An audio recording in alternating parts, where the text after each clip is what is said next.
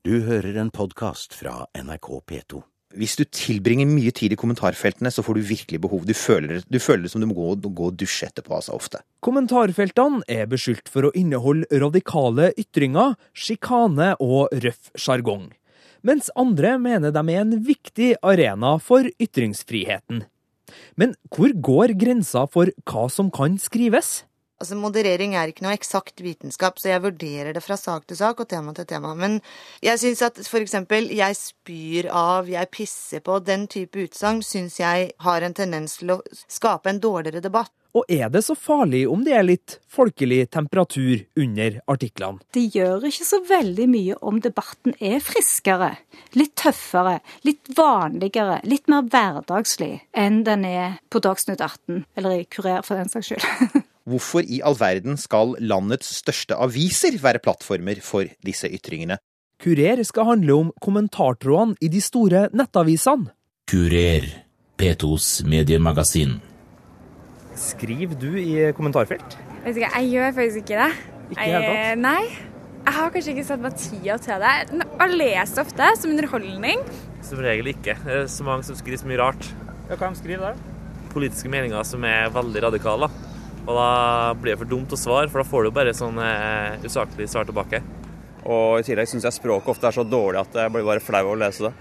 Og mye drittslenging syns jeg ofte det forekommer også. Hvis jeg mener at jeg har noe fornuftig å si, så hender det seg at jeg skriver. Jeg gjør det. Hvor er du skriver hen, da? Da skriver jeg både på VG og Adressa sine nett, altså under eh, en sak, da. Og kommenterer eventuelt det som står i saken, eller eh, innhold som andre har skrevet. Det er mange som skriver, og det er enda flere som leser i kommentartrådene som følger som haler på nettavisenes artikler. Og det har vi egentlig holdt på med ei god stund nå. Kommentarfeltene kom sammen med nettavisene for alvor. Det betyr jo ikke at det ikke hadde vært lignende ting i andre, på andre måter. Det hadde jo vært leserbrevspalter, og det hadde vært ring-inn-programmer på radio og alt mulig. Men, Det her er Eli Skogerbø, professor i medievitenskap ved Universitetet i Oslo. Hun har forska på kommentarfeltene. Siden starten på 2000-tallet har vi hatt muligheten til å skrive vår hjertens mening i de store nettavisene, og det var flere grunner til at vi fikk kommentarfelt. og det var vel en blanding av at avisene ønsker direkte kontakt med, lesere, med leserne sine, og kanskje ønsker bidrag til hvordan eh, avisene skulle se ut. Og jeg tror heller ikke vi skal underslå at det var veldig mange nettsider å fylle for mange aviser. Tanken om at leseren alltid vet mer enn journalisten, sto også sentralt i kommentarfeltets begynnelse. I tillegg kunne også meningsutveksling direkte under artikler oppfylle et gammelt demokratisk ideal om en fri og åpen samfunnsdebatt uten plassbegrensninger, hvor alle kan delta og alle kan bli hørt.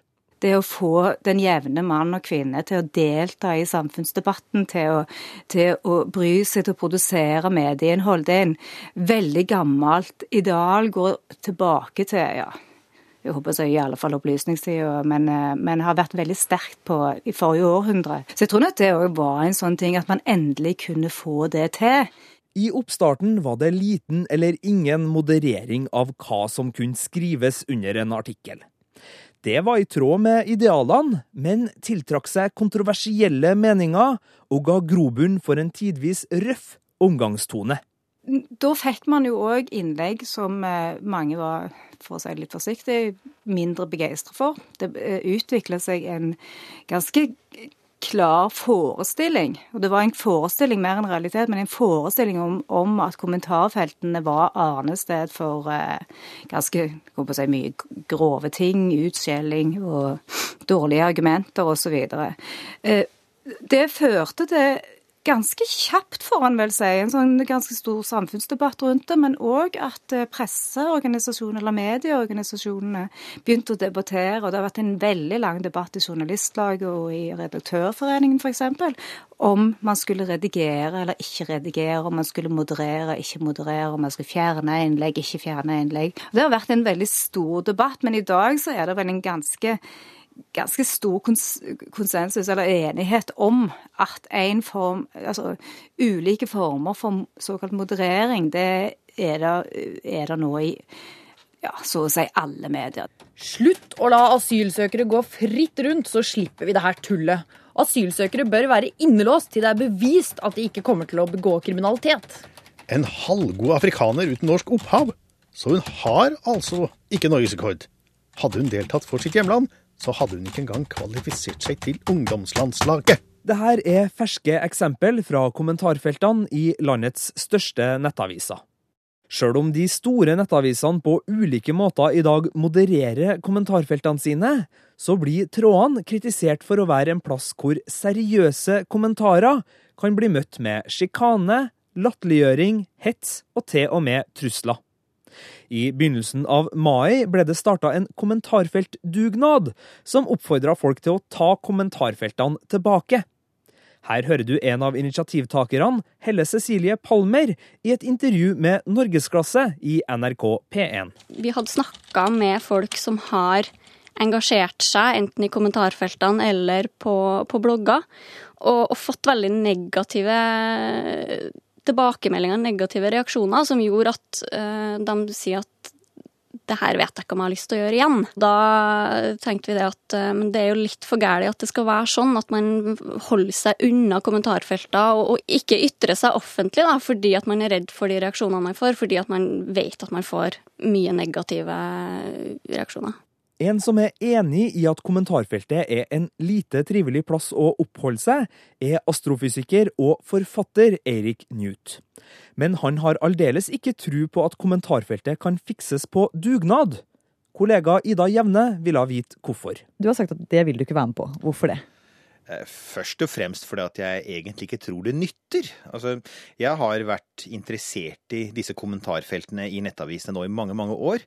Eh, og, og, trodde til å begynne med at dette her kunne være noe spennende. Altså, Avisene er jo et sted hvor det føres mye viktige debatter, og så tenkte jeg at dette her kunne bli et sånn viktig tilskudd til de debattene vi ellers har i avisene. Men jeg tok feil. Grundig feil. Altså, det ble veldig fort et ubehagelig støynivå, ubehagelig tonefall. Um, og det har bare blitt verre i en del tilfeller. Ja, Hvordan vil du karakterisere de debattene som pågår? Altså, Det varierer jo en del. Det finnes helt klart felter, kommentarfelter i aviser, f.eks. under temaer som sport og musikk og sånn, som, som, er mer normale. Men de som handler om politikk, og da særlig sånne omstridte emner som kriminalitet, innvandringspolitikk, men også veibygging, syklister, altså sånne ting, eh, eh blir, blir, veldig ekstremt. Altså, mange av synspunktene som kommer fram der, ligger jo langt ute utenfor det som er normalt i norsk politikk, for å si det sånn. Eh, og det er mye hatsytringer. altså Det er direkte personangrep, veldig ofte på navngitte politikere. Noe av det verste er når man har saker hvor helt alminnelige mennesker har stilt opp til intervju eh, for en avis, og det faktum at de er brune i huden utløser et ras av rasistiske kommentarer under, eh, under den saken om dem. Dette har vi sett skje gang på gang på gang.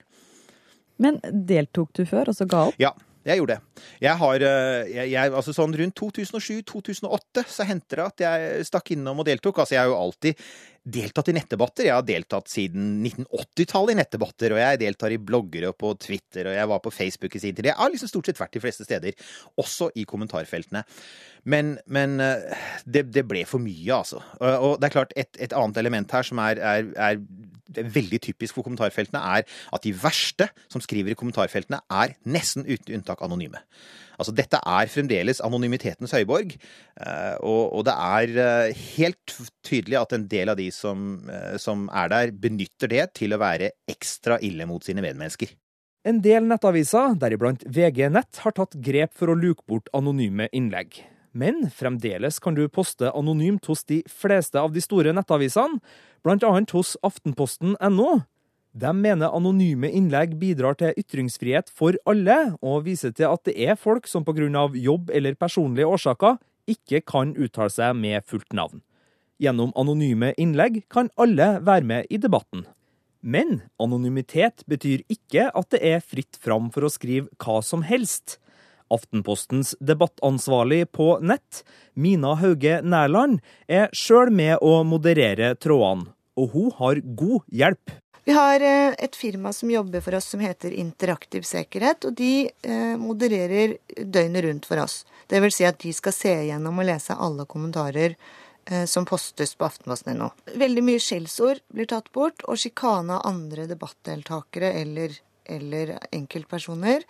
Eh, grove generaliseringer og rasisme tar vi også bort. Men vi har takhøyde for meningsytringer om innvandring og sånn.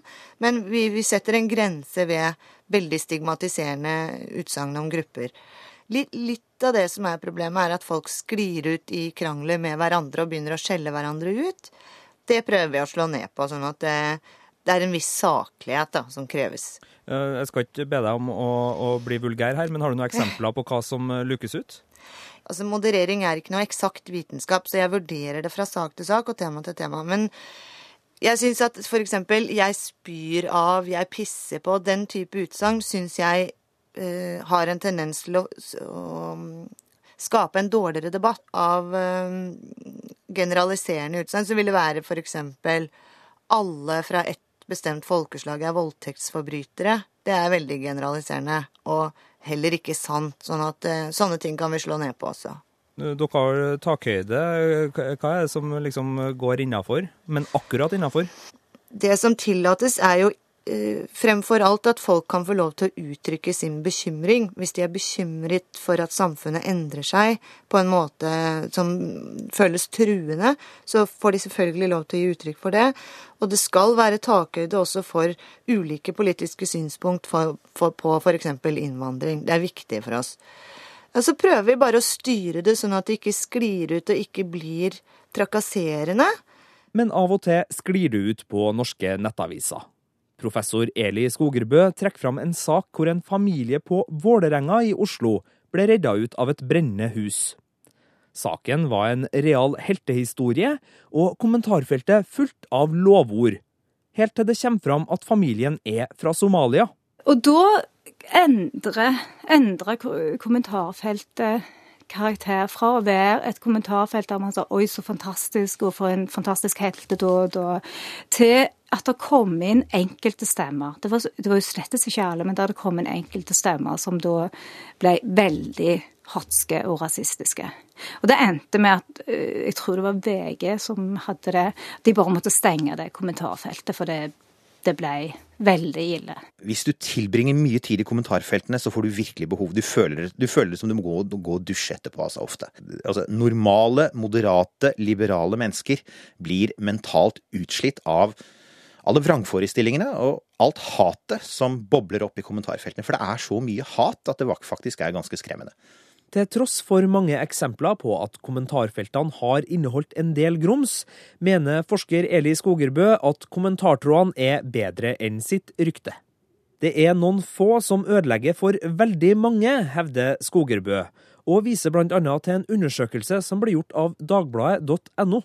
De fant ut at det, det er en ganske liten del, altså langt under 10% som har den type ytringer. Det som, det som er, er at de ytringene, når de blir så harde, de blir så tøffe, og de er jo så vonde å bli utsatt for. Og de ødelegger så mye at jeg tror egentlig ikke at det at de er veldig få, for det er de. Det, vi har det har blitt talt mange ganger nå. Det er veldig få, men de er jo så sterke at de gir Hva skal du si De, gir, de kan være med på å ødelegge et, en kommentartråd fullstendig. Terror, asylpolitikk og religion er blant de temaene som har vist seg å generere mye hets og sjikane. Som et grep for å unngå denne type overtramp, har mange nettaviser de siste årene valgt å droppe kommentartråder på artikler som omhandler de her og lignende tema. Kurer, P2s mediemagasin. Du, Det verste jeg har kommentert sjøl som noe negativt, det var egentlig når jeg reiste til eh, Hellas i fjor på chartertur. For å reise på chartertur som en eh, 24-åring var veldig spesielt. Altså, eh, Nordmenn som er veldig glad i alkohol og bruker penger på flyet. og Det syns jeg var en litt spesiell opplevelse, så det måtte jeg kommentere. Hvor kommenterte du, og hva skrev du? Det var på VG-nett på en artikkel angående charterturister. Da måtte han egentlig flire litt og være litt ironisk angående charterturistene, fordi ja, det er noen charterturister. Det store flertallet av innleggene i kommentarfeltene er ganske normale ytringer. Og når vi ber Mina Haugen Nærland vise oss en helt vanlig kommentartråd på aftenposten.no, så er det langt mellom ukvemsord og hatske innlegg. Grunneiere fikk medhold i Strasbourg i en rettssak om tomtefesteloven. Det er det folk på aftenposten.no Ja, kommenterer i dag. akkurat nå så er de opptatt av det. Det er, det er, det er masse seriøs diskusjon. Eksempel en som sier sånn Endelig får øh, vinner eiendomsretten fram, og de som eier tomten kan ta seg betalt, osv. Så, videre. så det er liksom rett og slett øh, en fin kombinasjon av økonomisk diskusjon og politisk diskusjon, og en del personlige erfaringer med de som øh, eier tomt eller har bygget på festetomt. Det er en typisk, typisk debattsak som, på nettavisene som angår mange, og som er helt fint, og som er veldig positivt, mener jeg, at folk kan diskutere. Innlegg flest er ikke over kanten, men det betyr ikke at det hersker en fredelig tone.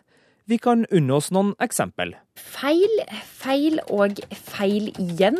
Er du så dum, eller bare later du som?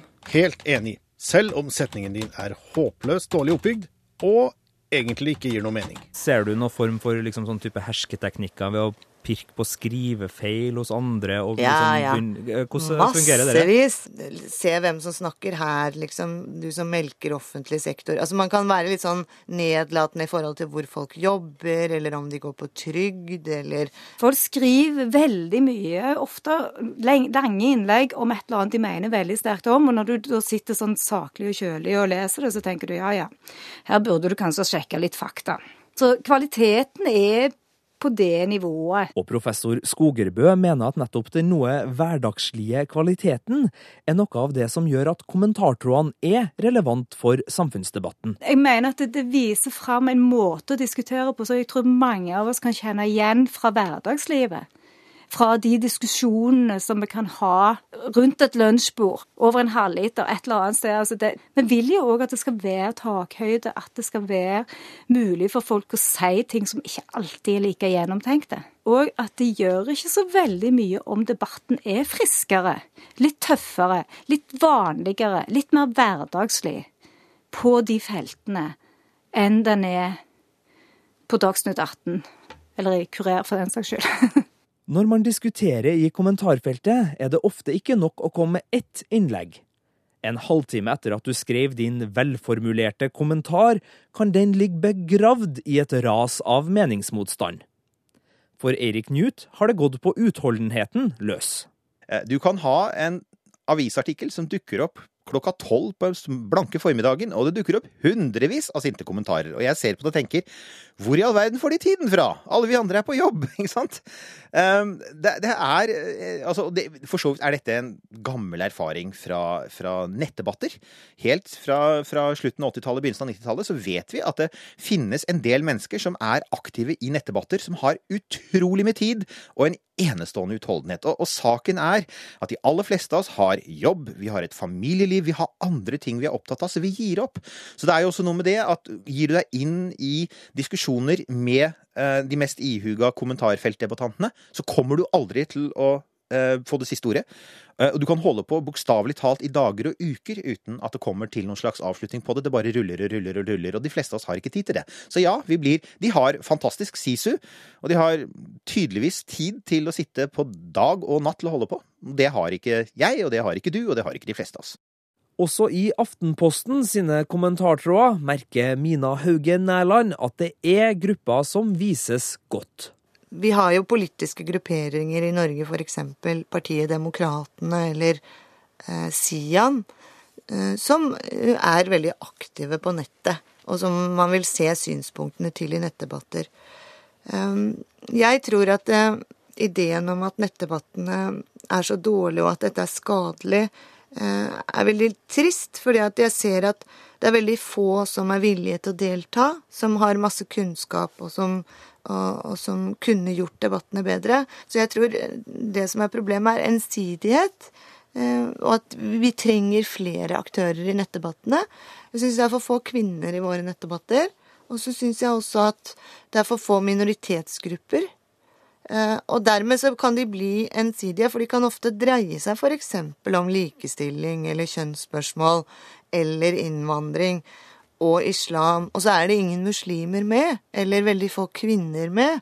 Eller, sånn at de relevante gruppene har, har kanskje en tendens til å forsvinne.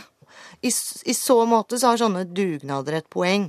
Altså hvis man kan Hvis man er to driftige damer og får med seg 300 av venninnene sine eller kameratene sine, så kan det være fint, det. Altså at uh, nettdebattene blir befolket av flere grupper. Det tror jeg er positivt for dem.